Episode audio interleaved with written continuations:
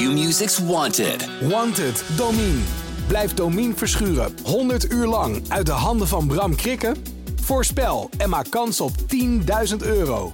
Volg het vanaf 13 mei bij Q-Music. In december 2020 wordt het dorpje Halsteren opgeschrikt door een plotseling overlijden. Dat was echt een donderslag bij helder hemel. De dood van geliefd supermarktondernemer Chris Grinwis. Chris is dood. Ik zeg, Chris is dood. Ah joh, dat kan niet. Al snel vinden mensen in het dorp en de politie de omstandigheden verdacht. Ze denken dat Chris vergiftigd is door zijn kerstverse vriendin Yvonne K. Als de politie gelijk heeft, althans wat zij denken dat er is gebeurd, dan heeft hij wel zeg maar uh, de duivel binnengehaald. Ze zou uit zijn op zijn erfenis. Als het klopt, hè? hè dan, uh, ja, een engel des doods. Maar het politieonderzoek heeft een valse start. En Yvonne ontkent in alle toonaarden. Heeft ze helemaal niks mee van doen. Volgens haar advocaat is Yvonne doelwit van een heksenjacht. Een soort golddigger, zo wordt ze neergezet. Heel geraffineerd. En nu, bijna drie jaar na Chris dood, gaat de rechtszaak tegen Yvonne van start. Ik ben René van Heteren en samen met misdaadverslaggevers Hessel de Ree en René van der Lee volg ik deze zaak op de voet. Heeft overigens de verdachte ook wel eens gezegd in de rechtszaal. Zo'n script kunnen ze in Hollywood niet bedenken. Ik zit hier gewoon in, in een film die niet de mijne is. In die zin is het een uh, tragedie. Luister de gifdoden op de sites van B en de Stem, Brabants Dagblad, het AD en alle aangesloten regionale dagbladen.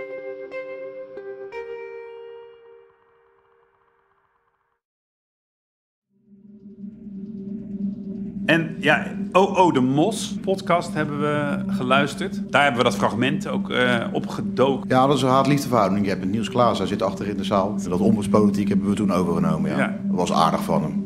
Maar die podcast vonden we wat minder. Voorzichtig, we zijn aflevering 6 uh, komt eraan, hè? ja, nou ja, ik hoop dat hij een beetje zijn best doet. Muziekje is in ieder geval spannend. Tutu.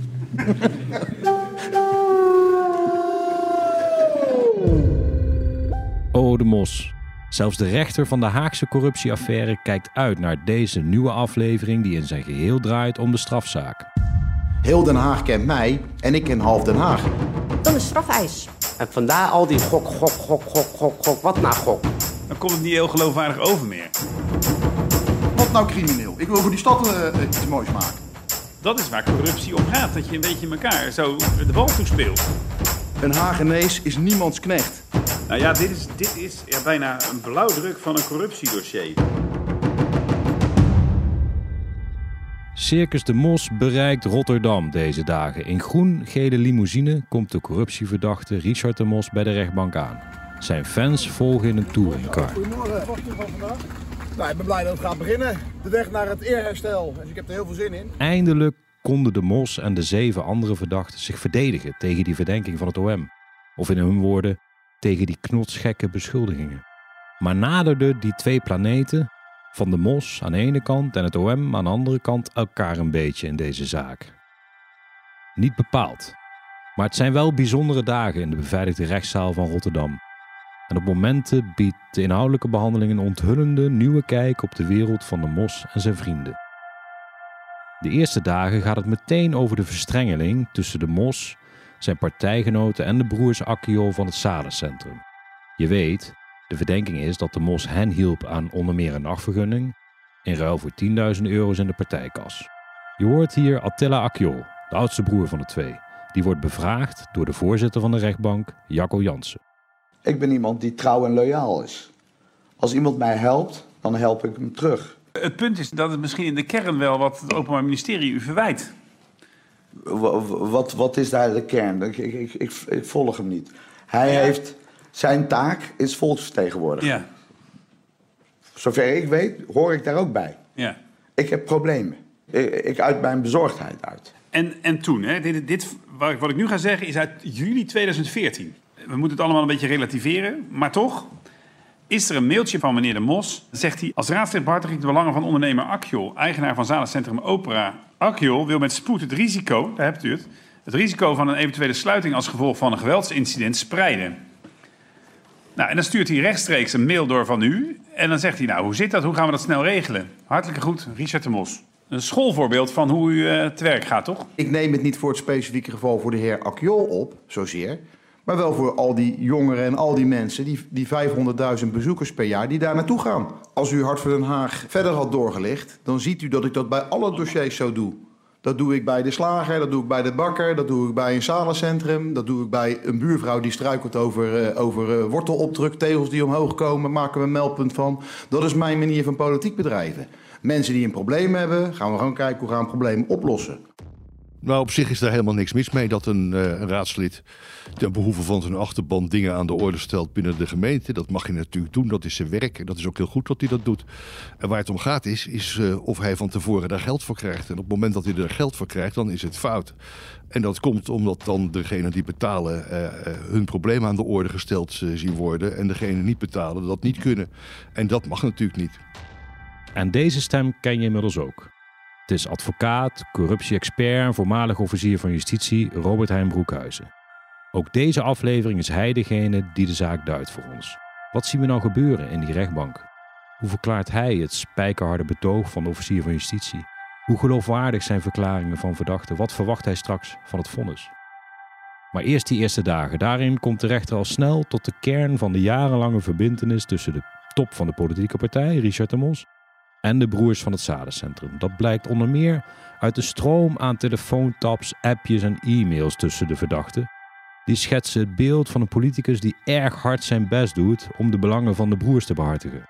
De Mos helpt hen bij het splitsen van de vergunning, bij het aanpassen van het parkeertarief en ook met het in kaart brengen van de concurrentie. Ja, maar nou wil ik nog even. Uh, er is een appje in het dossier en dat gaat zo. Tromgeroffel, ja. Ja.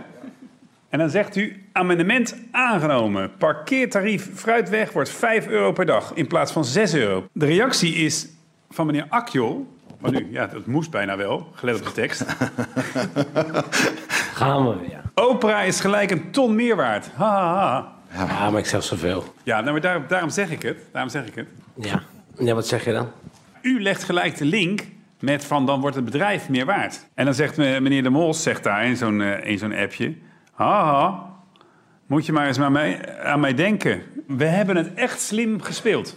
U moet ook even kijken, wat heeft u voor man voor, voor u staan? Ik ben een jongen die, die, die van de gestampte pot is. Ik praat rechtstreeks. Ik ben ook een man die graag wil shinen. Dat is in de politiek nogal belangrijk. En zeker als voorman van een lokale partij. Heel onze filosofie is goed nieuwspolitiek. Uh, yes, we can, blijdschap, happiness uitstralen. We gaan het fixen met, met elkaar. En ik ben trots dat het gelukt is. Maar jaren later gaat, gaat u geld vragen aan... Uh, uh, of vragen of uh, vrienden onder elkaar. U krijgt geld. Maar denkt u dan geen moment... Ja, als ik hem geld vraag, dan geeft hij dat wel. Want ik, ik heb hem een beetje goed behandeld. En net als al die anderen. Nee. Dat is waar corruptie om gaat. Dat je een beetje elkaar zo de bal toespeelt. Dat is dus niet gebeurd. Ik deed het voor nee. iedereen. Ik loop voor iedereen hard. En uiteindelijk zijn er een aantal mensen die, die, die doneren. Nou, die hebben daar redenen voor. Ja. VDL uh, ze, die doneert uh, 50.000 aan de VVD, 50.000 aan het CDA. hey, je gaat wel even opkomen voor familiebedrijven. Hè? Nee. Ik had een idee als partij. Namelijk, we willen die nacht gaan verruimen. We willen jongeren laten stappen. En bij dat idee sluiten partijen aan. Maar legt u dan even uit waarom u zich bemoeit met de handhaving van de zalencentra in de omgeving van uh, de Akjos. Tegenhouden nieuwe zalen. Dan heb ik een appje bijvoorbeeld. Uh, Hoi Richard, gaan er vijf zalen open in de Uitenhagenweg? Kunnen we niet hebben, vriend. Duik jij er even in? Nou, dan hebben we waarschijnlijk onze grote vriend weer aan, aan, aan het woord gelaten, toch? Was ik dat? Je hoorde Ernst, een van de broers van het Zalencentrum. Je kent hem nog uit onze eerdere afleveringen toen we hem spraken met zijn advocaat Ed Manders. In Rotterdam leert de rechtbank hem ook al snel kennen als een markante verdachte. Al worden niet al zijn antwoorden even serieus genomen, lijkt het. Uh, hoe laat was dat, meneer de voorzitter? Het was uh, 11 april 2017 om uh, 4 uur s middags. Oh, ja, ik begin om drie uur te drinken. Dat uh, kan. ja, ja. Oké. Okay. En dan gaan we verder, hè. Uh, in, de, in de tijd ook. Is er een appje. hey Ries, nog niks gehoord van die ambtenaar voor de nachtvergunning. En dan zegt daarover, die, uh, die dan aan, uh, aan wordt ge, uh, hoe zeg je dat, aan wordt ge, wordt geduwd is niet zo hele beste. Nee, dat wou ik niet zeggen. Nee, het, het, ze zegt, en daar is opera weer. Ja. Smiley, smiley, smiley. Ja. 150 jaar eh, bij de gemeente Den Haag. Ja, maak er maar 200 van. Ja. Ja. Ja, dat is een mening van een ambtenaar die horendol wordt van een raadslid wat aan, aan het buffelen is. Ik zal het eens, eh, eens proberen uiteen te zetten. Het is niet zo dat, dat je niet mensen mag helpen. Het is ook niet zo dat je uh, niet, politiek misschien mag dat denk ik niet, dat je de hele tijd maar eentje helpt. Dat is politiek denk ik niet goed. Maar strafrechtelijk mag je best nog eentje helpen, denk ik, als, uh, als ambtenaar. Maar het, is, het wordt moeilijk als, je, als, als er wat voor terugkomt. Dat is het punt. Ja, maar dat, is, dat probeer ik steeds uit te leggen. Dat causale verband is er nooit geweest. Nee. Heel Den Haag kent mij en ik ken half Den Haag. Iedereen met een zalencentrum die een nachtontheffing wilde, kon die krijgen. En heeft hem ook gehad. Nee, maar snapt u als ik zeg, als stel nou dat het zo is, hè? Sterker nog, feitelijk is het zo hoor. Dat ze, er zijn er drie afgewezen, maar die hadden helemaal niet. Helemaal die waren kleiner dan 1000 vierkante meter. Dus iedereen heeft gekregen, daar wil ik vanaf zijn, dat is zo. Maar als je daarvoor toch betaald wordt door één ondernemer, stel hè. Ja, maar het, kijk, het, het, lijkt wel, en dat, dat kunt u ook terugzien in het dossier. Ik kom tot twee keer toe in het college met een veel groter plan. Zeker. Daar krijg ik drie partijen voor mee. Ja. Uh, D66, GroenLinks, en weet je de andere koekenbakkers. De VVD, nee, dat was VVD? Ja, dat was de VVD. Drie andere partijen mee. Er staan twee camera's op u, hè? Ja, hallo. Zeker die eerste dagen is de sfeer in de zaal nogal atypisch. Waar in een andere strafzaak de verdachte zich nogal eens op zijn zwijgrecht beroept, praten de Mos en de anderen honderd uit. Het is de verdediging vooruit. En de one-liners en soundbites van de hoofdverdachte de Mos vliegen door de zaal. De rechter biedt daarvoor ook alle ruimte. Hij benadrukt steeds dat hij een open en eerlijk debat wil over de zaak, over het thema corruptie, over voor wat hoort wat. Later zal de sfeer nog wel wat stekeliger worden, zo nu en dan. Dat hoor je verderop in deze aflevering. Eerst even dit. Hoe luistert Broekhuizen nu naar die ondervraging door de voorzitter van de rechtbank en de antwoorden van de Mos? Sommige vragen van deze rechter klinken bijna als een waarschuwing voor de Mos, of niet? Nee, kijk, ik denk wat de, de voorzitter probeert te doen... is aan de mos voor te houden hoe de wet nou precies in elkaar zit. En die wet die houdt in dat ja, als je een gift of een belofte aanneemt... dat je dan wel in gevaar bent. En dat dan de vraag is of je dan weet of moet denken dat er iets tegenover staat. de mos zegt, ja, er stond niks tegenover... want ik ben gewoon een vrije jongen. jongen ik heb er geen last van. Wat de voorzitter zegt is luister joh, je hebt wel die gift ontvangen en je begint ook wat voor de mensen te doen. En dat lijkt en dat ruikt als corruptie. De rechter citeert opnieuw uit onderlinge afgetapte telefoongesprekken en appconversaties tussen de verdachten. Ditmaal een bericht van Ernst Akjol. Ja, zegt u, we zijn al vijf jaar bezig met deze partij. Attila zit achter deze partij. Hij is coördinator en hij beslist veel over hoe of wat. Ja, het is een beetje groot praat. Groot praat. Maar toen was het s ochtends vroeg. Was u... Uh... Ja, dan was ik niet dronken. Niet dronken? Nee. U zei net dat u steeds dronken was. Uh, uh... Ja, ja. Maar ik, ik dronken mensen... Spreken de waarheid. Ja. ja. Gelukkig zegt u het zelf. Ja, maar dat is een gezegde. Ja. Ik wil best wel gebruik van maken van mensen... Maar zeer zeker geen misbruik. Wat is misbruik dan? Misbruik is gewoon echt iemand voorliegen. Voorliegen. En wat is gebruik dan? Uh, als jij toch even naar Den Haag gaat, kan ik met je meerijden. Meeliften. De ene hand was de andere, zeggen ze wel. Nee, nee, nee, nee niet zo. Maar weet u wat ik zo grappig uh, vind? U bent allemaal zo eerlijk. Is toch goed? Nee, maar wat u zegt is helemaal geen handige opmerking, toch, nu? Nee, nee, ik zeg gewoon de waarheid. Ja, en meneer, meneer De Mos zegt ook gewoon de dingen hoe ze zijn. En, en die zet hier in een bepaalde stand. Maar u, u wint er allemaal geen doekjes om. Dat is, valt me zo op. Zolang ik geen misbruik maak, is er niks aan de hand. Nee, maar wat, wat er zo aardig aan is, ik hou u een appje voor. En als u had gezegd, nou, weet ik eigenlijk allemaal niet meer wat er, wat ik, wat er daar, hè, uw, uw, uw eerste standpunt van ik ben steeds dronken. Of, hè, als ja, nee, dat... Nee, maar als u dat had herhaald, dat was een heel makkelijke uitweg geweest. Nee, dat... Maar nu zegt u hier iets, ja, je, je gebruikt elkaar. Gebruiken mag toch in Nederland? Er is niks mis mee. Ja, nee, dat klopt. Dat klopt. Toch?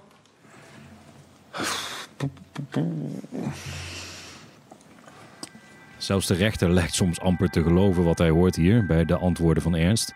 Op het ene moment is uh, dronkenschap een excuus. Op het andere moment erkent uh, deze verdachte dat dronken mensen de waarheid spreken. Maar Ernst en de andere advocaten stellen nu: neem mij vooral niet te serieus. Deze broer zou een fantast zijn met ADHD, wiens woorden je eigenlijk zelden voor waar moet nemen. Maar werkt dat zo wel? Wat vindt een expert als Broekhuis hiervan? Wat moet je met zo'n type verdachte? Hoeveel zijn die verklaringen dan waard op zitting?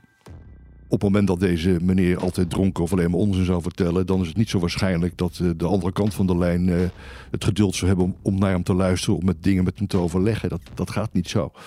Het feit dat de voorzitter uh, zegt: je vertelt zoveel, je bent zo eerlijk, dat gebruik maken. Dat komt natuurlijk omdat uit het bewijs blijkt dat er gebruik gemaakt wordt en dat de verdachte uh, Akiel dat niet ontkent. En eigenlijk ben je dan alweer heel dicht tegen het corruptieartikel aan. Daar ben je er bijna. Na een urenlange ondervraging op de eerste zittingsdag wordt het de mos bijna te veel aan het begin van de avond. De emoties lopen hoog op bij de hoofdverdachte. En dat is gewoon een schande. Want ik, ik, wat, wat nou crimineel? Ik wil voor die stad uh, iets moois maken.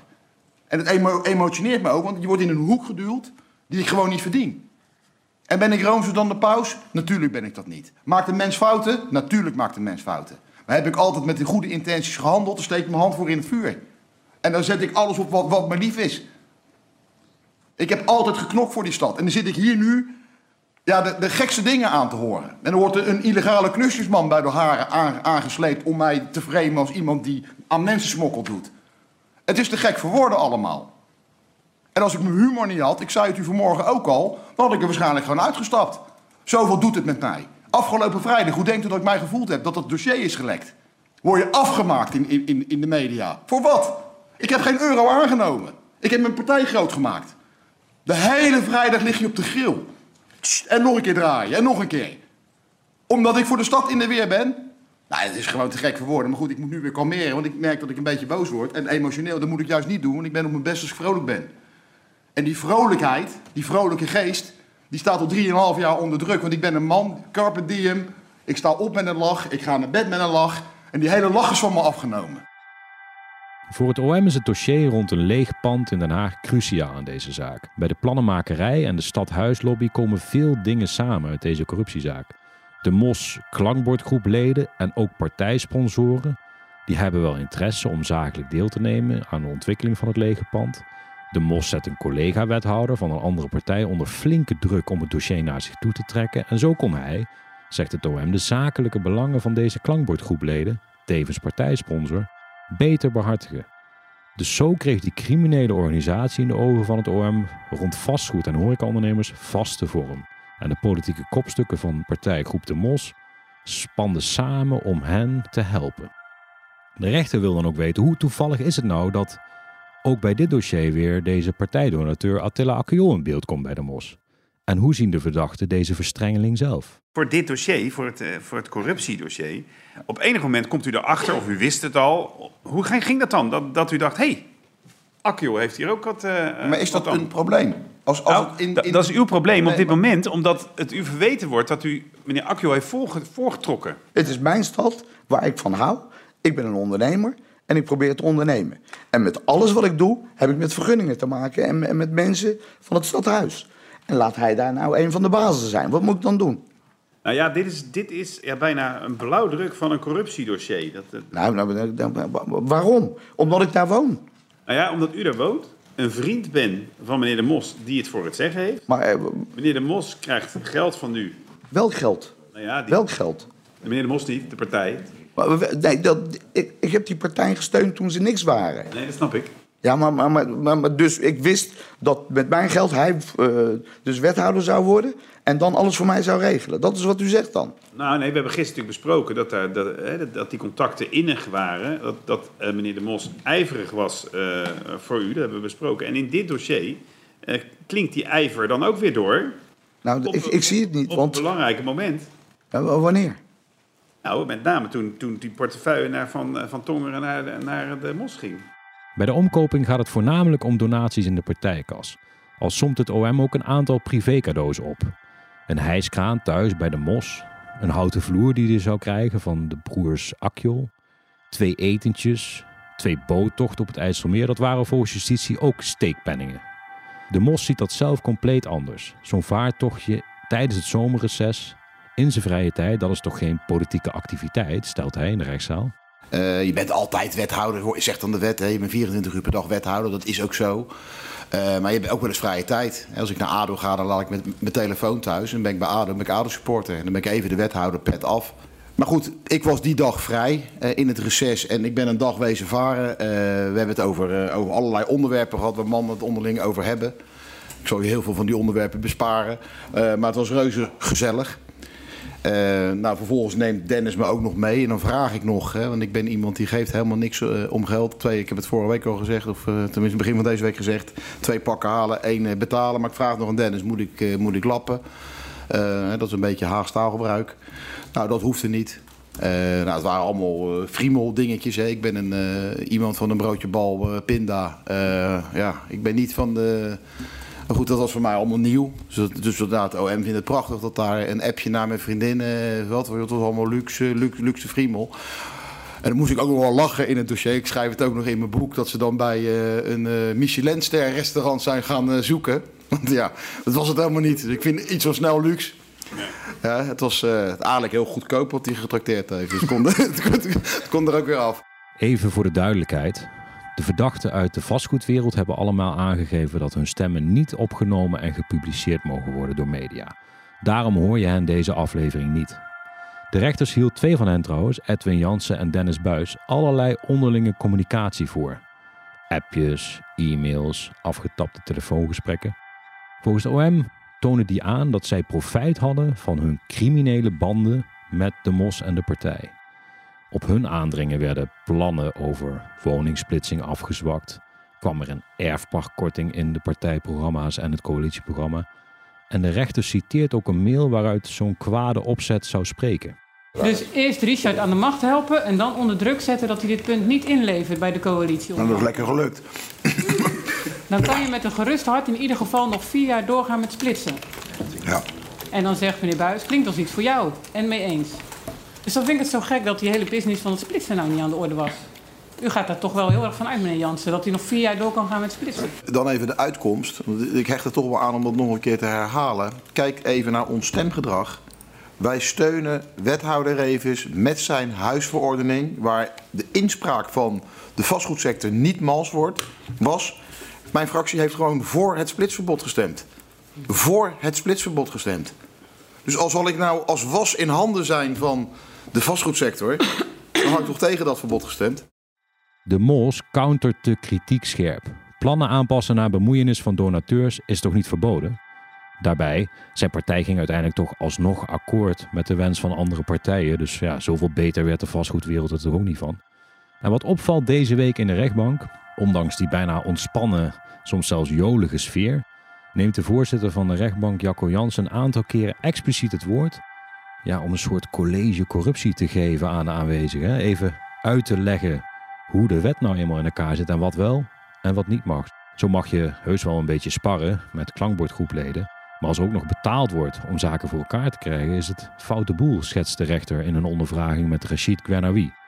Hij is, zoals je weet, partijgenoot van de MOS. Hij was ook wethouder en is ook verdachte. Hij mag heel belangrijk van, hij mag er honderdduizend mails over eh, sturen. Als hij dat maar niet doet, met de verwachting, ik heb hem geld gegeven, dus komt wel goed. Ja, nee, tuurlijk. Ja. Ja, ja, ja, Als je nou kwaad wil denken, bijvoorbeeld in dat dossier, maar dan vertaald naar die criminele organisatie, dat u 50.000 euro in de, in de partijkas van uh, Richard de Mos heeft gestopt. En zou dat dan niet een reden kunnen zijn voor Jansen samen met u in een soort nauwe samenwerking, crimineel samenwerkingsverband met elkaar hebben kokstoof, dat je die bedragen bij elkaar op moet tellen? Dat je zegt, 5000 euro bij Jansen, 40, 50.000 euro bij, uh, bij Buis. En dat, is, dat, dat ligt ten grondslag aan het, aan het uh, beïnvloeden van de mos. Hoeveel appjes, belletjes en mails de rechter daar aanwezig ook voorhoudt, de vastgoedverdachten en de voormalige wethouders kunnen er eigenlijk niks mee. Teksten lijken achteraf misschien nog wel heftig, stellen zij, maar het is toch echt uit de context gehaald.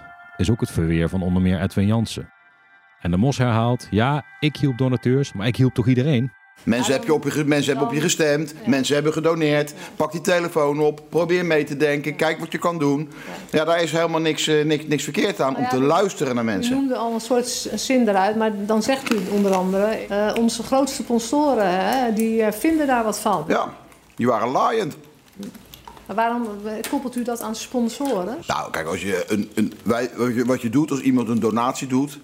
Dus het minste wat je kan doen is dat je je telefoon uh, op, op, opneemt. De rechter is blij met die openhartigheid en duidelijkheid van de verdachte, zegt hij een aantal keer. Maar niet elk antwoord klinkt hem even overtuigend in de oren, blijkt wel als hij Edwin Jansen toespreekt. Je vertelt een duidelijk verhaal. Je vandaag een duidelijk verhaal uh, met, met passie en zo. Dus nou, nou. Ik had niet zo'n zo'n uitgebreid uh, uh, passievol betoog verwacht. Maar het is natuurlijk, en wij kennen dat natuurlijk in het recht ook, de salami-techniek. Het is natuurlijk wel steeds, steeds, het verhaal is steeds hetzelfde. Dat, dat maakt het verhaal misschien ook wel krachtig. Aan de andere kant is het ook steeds op het individuele bewijsmiddel, noemen we dat dan, hè, be, bewijsdossier gericht. De vraag is, is het niet een salami-techniek van u... dat u elke keer een mooi verhaal heeft over het individuele dossier... en, en als je dan naar luistert, denk je, ja, ja, ja... Maar ja, het zit in elk dossier. Projectontwikkelaar Jans heeft met een van zijn e-mails... het OM een belangrijke bouwsteen geboden voor de strafzaak. Die e-mail komt vaak voorbij in de rechtszaal... en de titel van de mail luidt De finish in zicht... En bij de strafeis wordt deze e-mail van Jansen aan zijn compagnons vrijwel volledig geciteerd door de officier van justitie, omdat volgens de OM de e-mail zwaar belastend is met kreten als we zitten dicht bij het vuur zonder zichtbaar te zijn. Onze banden met de mos kunnen voordelig uitpakken bij onze projecten. Het plan om de partij groot te maken pakt goed uit. Dubbel en dwars geslaagd. We zitten gebeiteld als de mos wint. Die flarden, die volgens de verdachte totaal uit de context zijn gehaald, maar vormen volgens het OM een belangrijk puzzelstukje in de zaak. Maar dat is totaal verkeerd begrepen, zegt de advocaat van Jansen later die week. Hoe dan ook, de rechter hamert er steeds op: is er wel een oorzakelijk verband tussen de donatie en de dienst? Met andere woorden, leiden de steun en sponsoring van de verdachte ondernemers ook tot extra inspanningen van de politiek. En de discussie moet er straks gaan over dat causale verband. Daar moet het over gaan. Is dat geld want dat, u, dat, u, dat de MOS voor u, dingen heeft geregeld.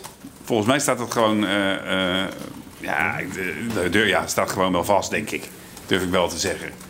En, en, en dat er geld is betaald, nou, dat heeft u allemaal gezegd. Daar gaan we ook een heel kort paragraafje in het vonnis over schrijven. Als we daaraan toe moeten komen. Dat, dat wordt er gewoon erkend. Maar we moeten natuurlijk een oordeel geven of er een relatie is tussen die betalingen en de geleverde ja, diensten of dingen. Ik denk dat, dat we dit van twee kanten moeten bekijken. Laten we het eerst bekijken van de kant van de ondernemers. Uh, de ondernemers die hebben betaald, dat staat vast. De ondernemers hebben ook invloed uitgeoefend, dat staat ook vast. En dan moet de rechter moet vaststellen of toen die ondernemers de betaling deden, het hun bedoeling was dat zij ook invloed konden uitoefenen. Als ik kijk naar hetgene wat ik gezien heb, dan staat dat eigenlijk ook wel vast. Dan staat wel vast dat de ondernemers steeds de bedoeling hadden om hun eigen plannen bij de mos door te drukken. Dan de mos. Die wordt geconfronteerd met mensen die hem geld geven in zijn partijkas. Hij kan natuurlijk iemand zijn die uh, denkt, uh, dat is allemaal prima. En ik ga niet doen wat die ondernemers mij vragen. Maar dan toch, dan formeert hij die groep en begint hij te voldoen aan de wensen. En bij de mos is de vraag dat op het moment dat hij het geld kreeg, of hij dan had moeten bedenken dat het de bedoeling was van die ondernemers om hem dingen te laten doen in hun eigen voordeel.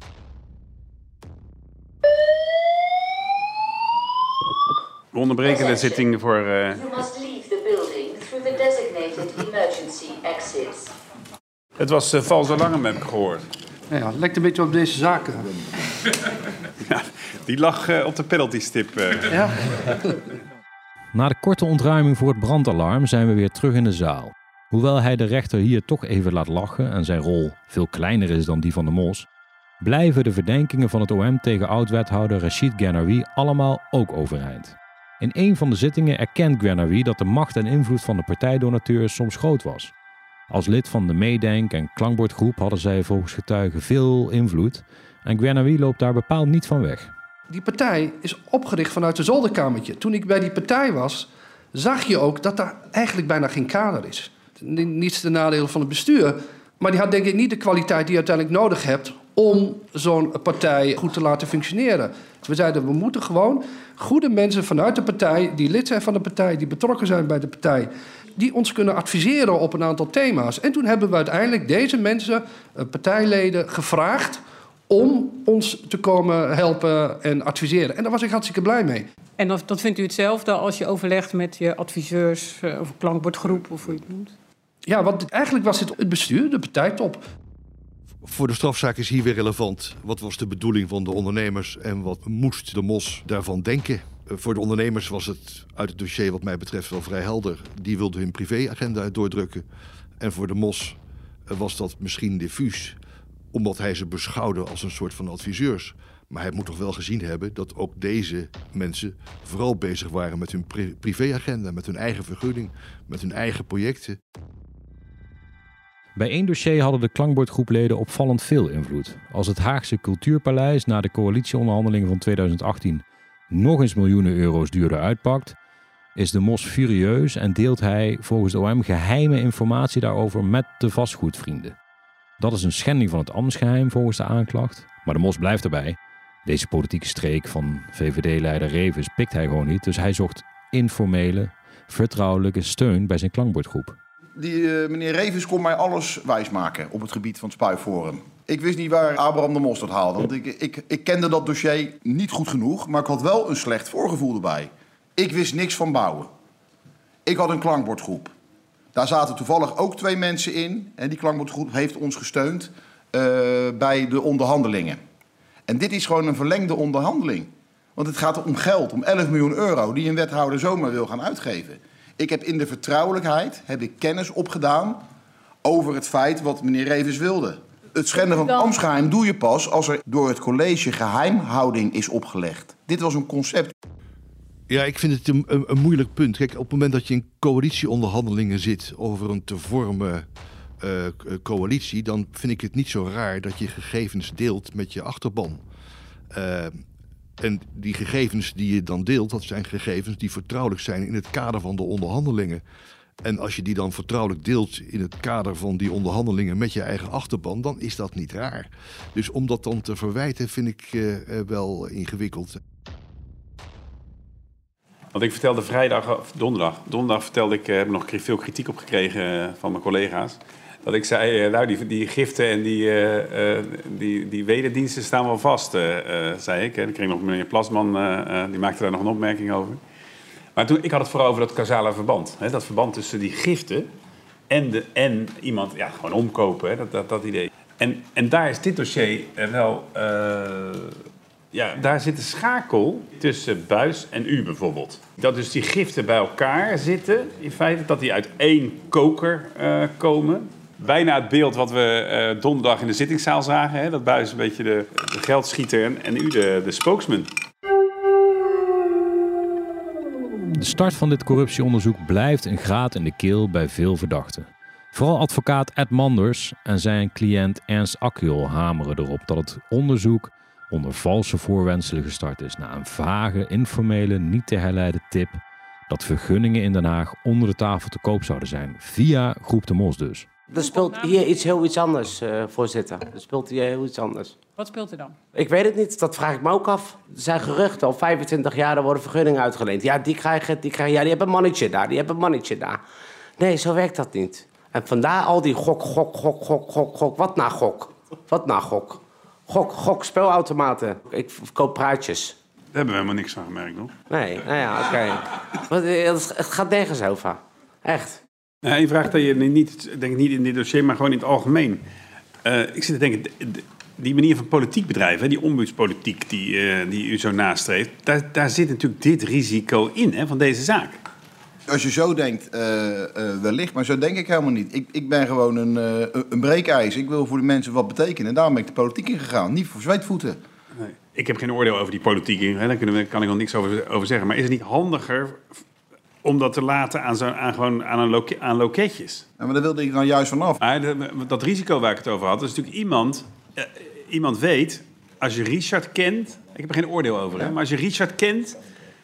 Dan, dan is dat een ingangetje voor die ombudspolitiek. Ja, dat, nou ja, ik, zal maar te- ik zal toch stiekem zeggen wat ik ervan vind. Ik vind het nog niet eens zo'n slecht idee dat je weer dichter bij de partijen eh, kan komen. Hoor. Dat, Ja, heeft u zich ooit gerealiseerd dat als je zo dicht bij de mensen komt, dat er een soort voorkeursrelatie kan ontstaan eh, voor bepaalde mensen. En, en, en zeker als, als er eh, eh, betalingen zijn, hè, dat, waar we nu mee bezig Ja, maar dat, is- dat zijn. is dan weer het mooie van ons. Ja. Dat we niks geniepers en glijperigs altijd met ambtenaren erbij. In alle dossiers die we behandeld hebben, in alle dossiers zijn de ambtenaren weten van de hoed en de rand. Nou, de, de one million dollar question. Yes. Gaat u, stel, wat wij, wat wij ook vinden, of we nu eh, u veroordelen of u vrijspreken of deels, eh, wat dan ook, kan, eh, dat, dat kan allemaal, hè, wordt allemaal tot de mogelijkheden. Gaat u dan dingen veranderen in de toekomst, in de politiek? Aan de ombudspolitiek ga ik geen millimeter aan veranderen. Want de dag dat ik dat doe, ja, dan vind ik politiek niks meer aan. Want ik ben de politiek ingegaan om mensen te helpen. Dus als er is deze zaak politi- ombudspolitiek moet in de prullenbak... Ja, dan maak ik ook de pleiterik en ga ik misschien toch die bed en beginnen. Ik had geen ander antwoord op die vraag verwacht. Ja, dit lijkt toch opnieuw weer een signaalopmerking van de rechter, nietwaar? Die ombudspolitiek, stelt hij, is misschien te prijzen omdat je dicht bij mensen staat, maar bevat ook een risico van te dicht bij mensen staan en te particuliere belangen dienen. En wil de rechter ook weten, is de mos dan bereid, hoe deze zaak ook uitpakt straks, iets te veranderen aan zijn werkwijze? Maar nee, de mos verdedigt vierkant zijn handelwijze. Hetgeen hem later trouwens op een forsere strafeis komt te staan van het OM, zo lijkt het. Maar nog even terug naar de mos en de broers Akjol. Een van de verdenkingen luidt dat de broers het raadslid Nino Davituliani, de partner van Ernst, geplant zouden hebben bij de partij. Ze zouden de partij proberen te infiltreren via haar. Het gaat tijdens de zitting ook nog even over de plek van Nino op de kieslijst. Plek 12 zou wat laag zijn. Over dat 12. Ik had dat gehoord. Ja, slecht nieuws gooi snel. Dus ik ging naar Tilla. Ik zeg, ik hoorde eh, 12. 12, wat is dat? Wat is dat? Hij zegt, nou, wat nou, wat is dat? Je hebt 10. Na 10 krijg je 11. En dan krijg je 12. Dus ik zeg gewoon, nou, daar kan ik niks mee. Ik ging proberen te vissen bij eh, Richard te komen. Van wat was de reden? Waarom? Hè? Van 4 naar 12, 300% achteruit. Waar ik heen wil eigenlijk, als ik een 1-2'tje met die man had. Mensen, ik had Rita van Donk naar 3 gestuurd. Eh, en de OM neemt mij zo serieus. Ach, ach, ach, ach, ach. Dat ben u niet gewend. Nou, nog nooit in mijn leven zoiets meegemaakt. Ik begrijp het niet. Ik begrijp niet eens waar het over gaat. Willen ze Richard de Mos pakken? Hebben ze mij gepakt? 15.000? Waar waar gaat het eigenlijk? Ik weet nog steeds niet waar het over gaat. Echt waar. Ik, eh, ze hebben alles wat ik tegen die mensen heb gesproken... Het maatschappij hebben zelfs op de krant gezet. Oh, je hebt ons voorgelogen. Oh, je hebt ons voorgelogen. Dat is toch erg? Eh, werkt u nog bij de opera eigenlijk? Nee, ik ben, eh, ik ben daar weg. Ik heb mijn broer kapot gemaakt door die eh, gedoe allemaal. Die man is helemaal kapot. Die man heeft mij twintig keer in mijn leven omhoog geteld. Ik, heb, ik, heb, ik heb die mensen eigenlijk allemaal problemen gebracht. Door, door het appjes. Daar bied ik ook mijn excuus aan voor iedereen. Dat meen ik echt. Dat is, dat is helemaal niet leuk. Oké, volgende vraag. Nou, ik heb er eigenlijk geen meer. Oh, ja, Spreekt u dan... vandaag hier wel de waarheid? Want ik, ik, Ik spreek altijd de waarheid. nou, eigenlijk nooit, zegt u zelf. Met wat? Nou, nooit. Bij alles heeft u een eh, verklaring dat het... Ja, maar ik, ik, de enigste redding is hier gewoon de waarheid te vertellen. Ik, ik maak er een beetje een grapje van, maar u zegt eigenlijk bij alles... het is grootspraak, het is niet waar, het klopt niet. Ja, maar dat zijn die appjes. Die andere is een engert. eh. Ja, wat moet ik zeggen dan? Waarom zou ik dat doen dan? Nou, u zei ook, ik heb niks te verbergen. Ik, ik heb gewoon vrij uitgepraat. Over. Ja, maar waar wilt u naartoe? Als je het nou zegt, dan weet ik dat. Ik, ik, ik kan het even ook niet volgen.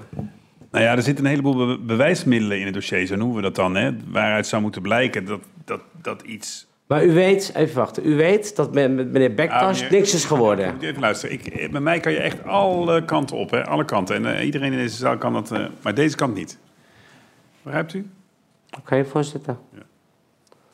Wij houden u iets voor dat u eigenlijk bij alles zegt, dat doe ik in ieder geval, dat u bij alles zegt, eh, eh, nou, eh, moet u zo zien, moet u zus zien, moet u zo zien. Ja, dan op een gegeven moment denk je van, nou, Is genoeg. nou genoeg. Dan denk ik, dan, dan, dan, dan komt het, ja, ja, hoe zal ik dat nou eens zeggen? Dan komt het niet heel geloofwaardig over meer. Het speelkwartier is over, lijkt rechter Jacco Jans hier te zeggen. Ik vertelde al hè, hoe de jolige sfeer van het begin in de latere dagen wat eh, aan het omslaan was. Spanning is soms echt te voelen. We zitten natuurlijk maar op een paar meter afstand van de verdachte. Je hoort iedere zucht, je ziet bijna iedere blik. En zeker bij die interventies van de rechter, als hij erop wijst dat verklaringen soms niet geloofwaardig meer zijn, of als hij zegt dat het wel een soort salami-tactiek lijkt wat hij daar hoort. En dat grootspraakverweer of neem mij niet te serieus, het was allemaal bluff. Dan is die spanning eigenlijk te zien op die gezichten. Want dat zijn mogelijke signalen voor het vonnis. Toem zal later voor een beroepsverbod pleiten. En de rechter noemt dat ook al een van de opties. Eh, ja, een onderdeel van zo'n, als u veroordeeld wordt, zou een onderdeel van de straf kunnen zijn dat u uw vak niet meer mag eh, doen. Ja, dat zou vreselijk zijn. Vooral, voor- niet zozeer voor mij, maar vooral voor de stad. Ja, wat wij ook van de zaak vinden, eh, er is ook nog een hoger beroep dan misschien. Nou, ik hoop het niet, want dan blijft het politiek. Maar als u, als u veroordeeld wordt, dan laat u er toch ook niet bij zitten, of wel? Maar ik ga ervan uit dat het niet gebeurt. Nee. Nee. Daar heb ik een, ro- een rotsvast eh, vertrouwen in. En ik hoop dat ik hier met mijn uitleg en mijn open boek eh, gedrag... dat ik daar aan bijgedragen heb om eh, de weg naar vrijspraak te bewandelen. Het contrast is immens deze weken voor hoofdverdachte de Mos. In de zaal regent het op weekdagen verwijten van het OM. En krijgt hij een vragenvuur van de rechter voor zich. Maar uitgerekend in het weekend na de eerste week van inhoudelijke behandeling... viert de Mos het tienjarig bestaan van zijn lokale politieke partij. En wordt georganiseerd in de Uithof van inderdaad Eugène Delacroix, de partijvriend. En meer dan 300 aanhangers zien daar een bevlogen de Mos op het podium. Horen daar zijn advocaat zeggen dat er een groot fiasco van het OM aanstaande is. En een aantal mensen wordt tot erelid gekroond. Een van de ereleden is Attila Akkejool, vriend van de Mos, ook verdachte, een van de broers van het Salencentrum. En er kan zelfs nog wel in al die serieuze zaken een grapje vanaf. Ook erelid is Attila Akjol. Waar is die... eh? Of je van de week nog even 40.000 euro overmaken. Maar een aantal dagen later komt het OM met zijn aanklacht. Formeel het requisitoor. Wat verwijten ze de verdachte nu precies? Hoe zit die criminele organisatie dan in elkaar? Waar bestaat de omkoping uit? Met andere woorden, wat speelt er nu eigenlijk? Waarop baseren ze die verwijten? En, heel belangrijk, wat wordt de strafeis? Hij ging actief op zoek naar sponsorgeld, maar kreeg ook ongevraagd geld, goederen of diensten die voor hem van waarde waren. Daar stond teg- tegenover dat hij voor de selecte groep ondernemers een handig doorgeefluik was en werkte planmatig wensenlijstjes van zijn medeverdachten af. De Mos heeft zich in de eerste plaats afhankelijk getoond van een aantal specifieke ondernemers. Hij bepaalde wie welk stukje van de koek kreeg. Voor zijn vrienden bewaarde hij het grootste stuk. Hij heeft zich echter laten leiden door zijn zucht naar macht, prestige en status. Hij voelt zich nog altijd superieur en vindt het leuk om andere mensen te manipuleren en hen met zijn bluf en macht te overweldigen. Tot enig zelfinzicht zal ook deze zaak hem niet brengen. Wij zijn dan ook van mening dat een onvoorwaardelijke gevangenisstraf in de zaak van de heer De Mos op zijn plaats is. Dan de strafeis.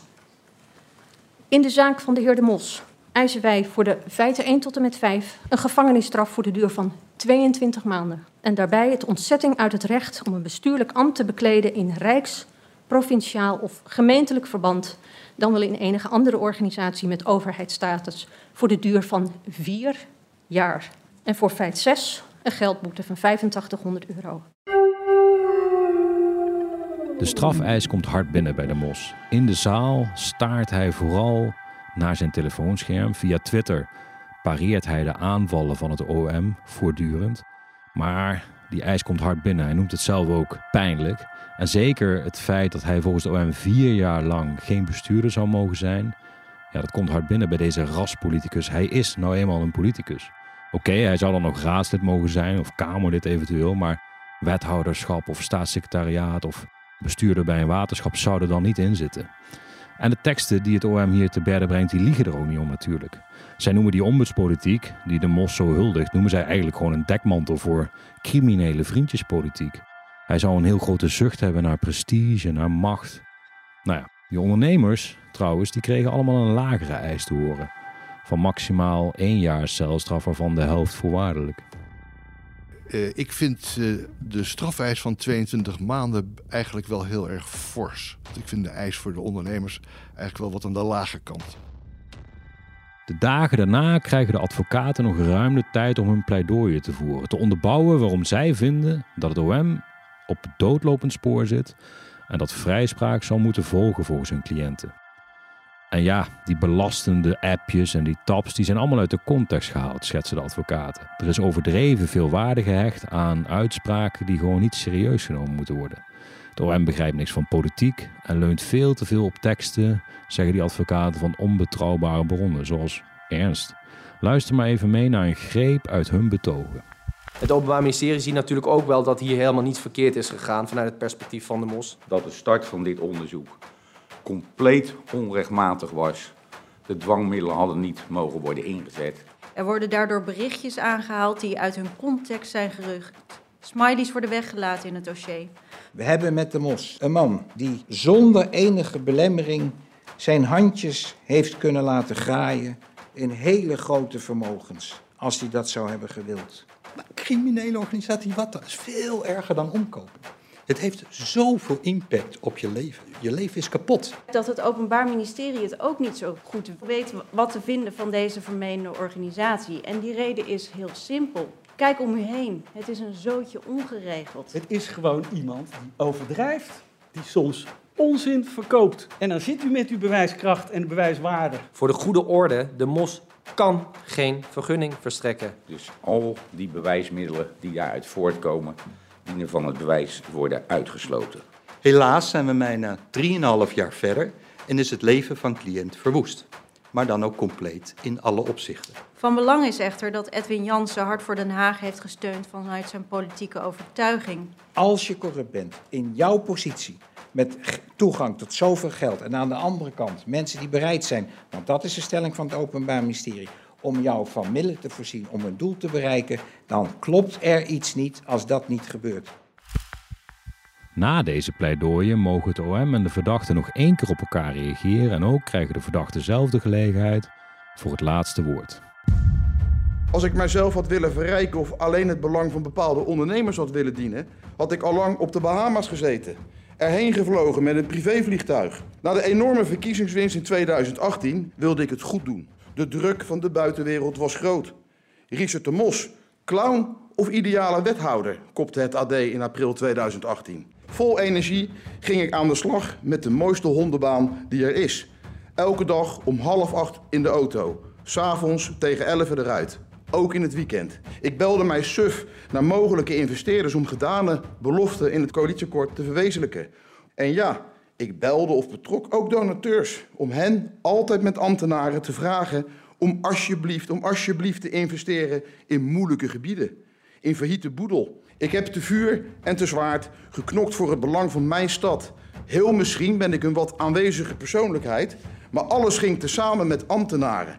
Inmiddels heb ik een professionele fractie opgebouwd en een grote schare trouwe aanhangers. In de politiek betekent dat helaas dat ik een steeds groter wordende bedreiging ben geworden voor de machtspartijen. Bedreigend worden betekent tegenwerking. Dat gaat van uitgemaakt worden voor racist als je de gevolgen van bevolkingsgroei wilt bespreken, tot het uitgesloten worden van collegedeelname als gehele partij op basis van een verdenking. Soms vraag ik mij af waarom ik dit eigenlijk nog doe. Gecriminaliseerd worden terwijl ik niks geef om geld nog goed. Gecriminaliseerd worden vanwege mijn onuitputtelijke inzet voor de stad. Gecriminaliseerd worden omdat ik en mijn partij anders zijn dan de gevestigde politieke partijen. En liet dat nou net de bedoeling zijn. Gecriminaliseerd worden vanwege de ombudspolitiek waar ik geen millimeter aan kan of wil veranderen. Het heeft mij in mijn diepste zijn geraakt. De woorden van de officier dat het mij zou ontbreken aan zelfreflectie was naast alle leugens, valse aantijgingen en het knippen en plakken met bewijsmateriaal een zoveelste klap in mijn gezicht. Ben ik Mr. Perfect? Ben ik Roomse dan de paus? Nee, natuurlijk niet. Ik ben een mens met fouten, ook in dit dossier. Een mens met onhebbelijkheden, een workaholic, een control freak, ongedurig en ongeduldig, iemand met een grote mond. Maar uiteindelijk altijd met een klein hartje. En weet, een Hagenees is niemands knecht. En ik zit zeker niet in de zak van welke donateur dan ook. Mijn partijgenoten en ik vertrouwen op uw wijsheid, uw mensenkennis en uw onafhankelijkheid. Daarom reken ik op een integrale vrijspraak op al datgene wat mij ten laste is gelegd.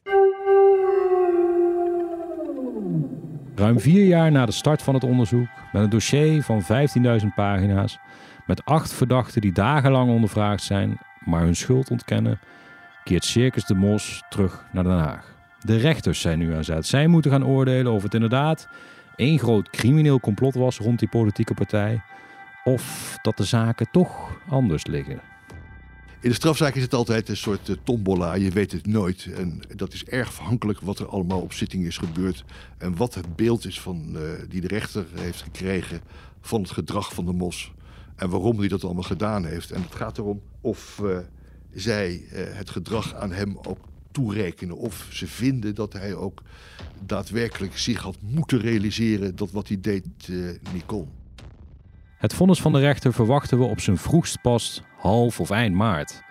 Het is een uitspraak waardoor de verdachte natuurlijk met angst en beven naar wordt uitgekeken. Maar ook kenners van bestuurlijke integriteit en corruptie kijken uit naar dit vonnis. Het is een soort voorbeeldzaak geworden. Wil je weten wat het vonnis wordt van de rechter? Blijf dan deze podcast OO de Mos volgen. De rechter is aan zet. De toekomst is zonnig. Ik denk dat er in ieder geval een veroordeling gaat volgen van de ondernemers. Als de recht bepaalt, dan is dat in, in, dit, in dit land nu eenmaal zo. Corruptie. Als er geen veroordeling volgt, dan zal het OM in hoger beroep gaan. Want zij vinden dit een hele belangrijke zaak en dat ligt voor de hand. Richard gaat niet stoppen. Nee, tenzij het afgedwongen wordt dat hij stopt. Maar die man die gaat door. Appelleren is riskeren. Het is riskant om in hoger beroep te gaan.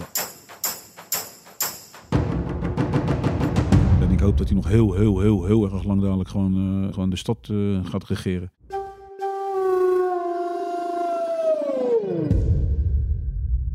En uh, ja, ik vind dat ze een keer gewoon uh, Richard de Mos en uh, Rashid van een kleine gemeente gewoon een burgemeestertje van moeten maken.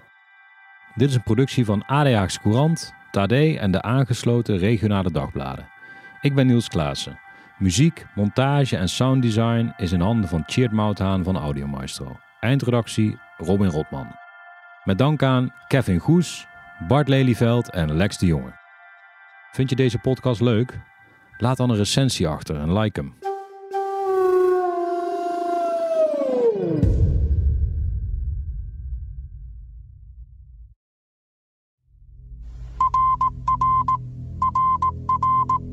Sveriges statsminister Olof Palme är död.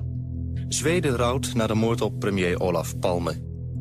In 1986 wordt de Zweedse president Olaf Palme vermoord. En vanaf dat moment is de politie van Stockholm met niets anders meer bezig dan het zoeken van de dader. De aanslag werd gepleegd op de hoek van de Tunnelstraat en de Sveaweg. Maar kort daarna wordt er nog een moord gepleegd. Eentje die door deze massale klopjacht veel minder aandacht krijgt.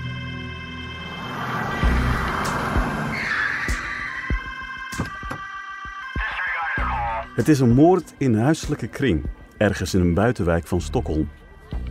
Het slachtoffer is een 30-jarige vrouw. De dader, haar stiefzoon Samir Sabri. En vrijwel gelijk als de politie ter plaatse is, bekent hij haar vermoord te hebben. Maar kort daarna komt Samir terug op zijn bekentenis. Hij is onschuldig, zo zegt hij. Klopt het wat Samir beweert? Is hij echt onschuldig? En als hij de moord niet pleegde, wie dan wel?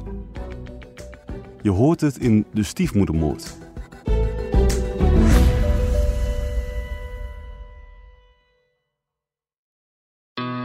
Q-Music's Wanted. Wanted, Domine.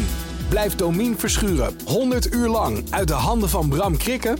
Voorspel en maak kans op 10.000 euro. Volg het vanaf 13 mei bij Q-Music.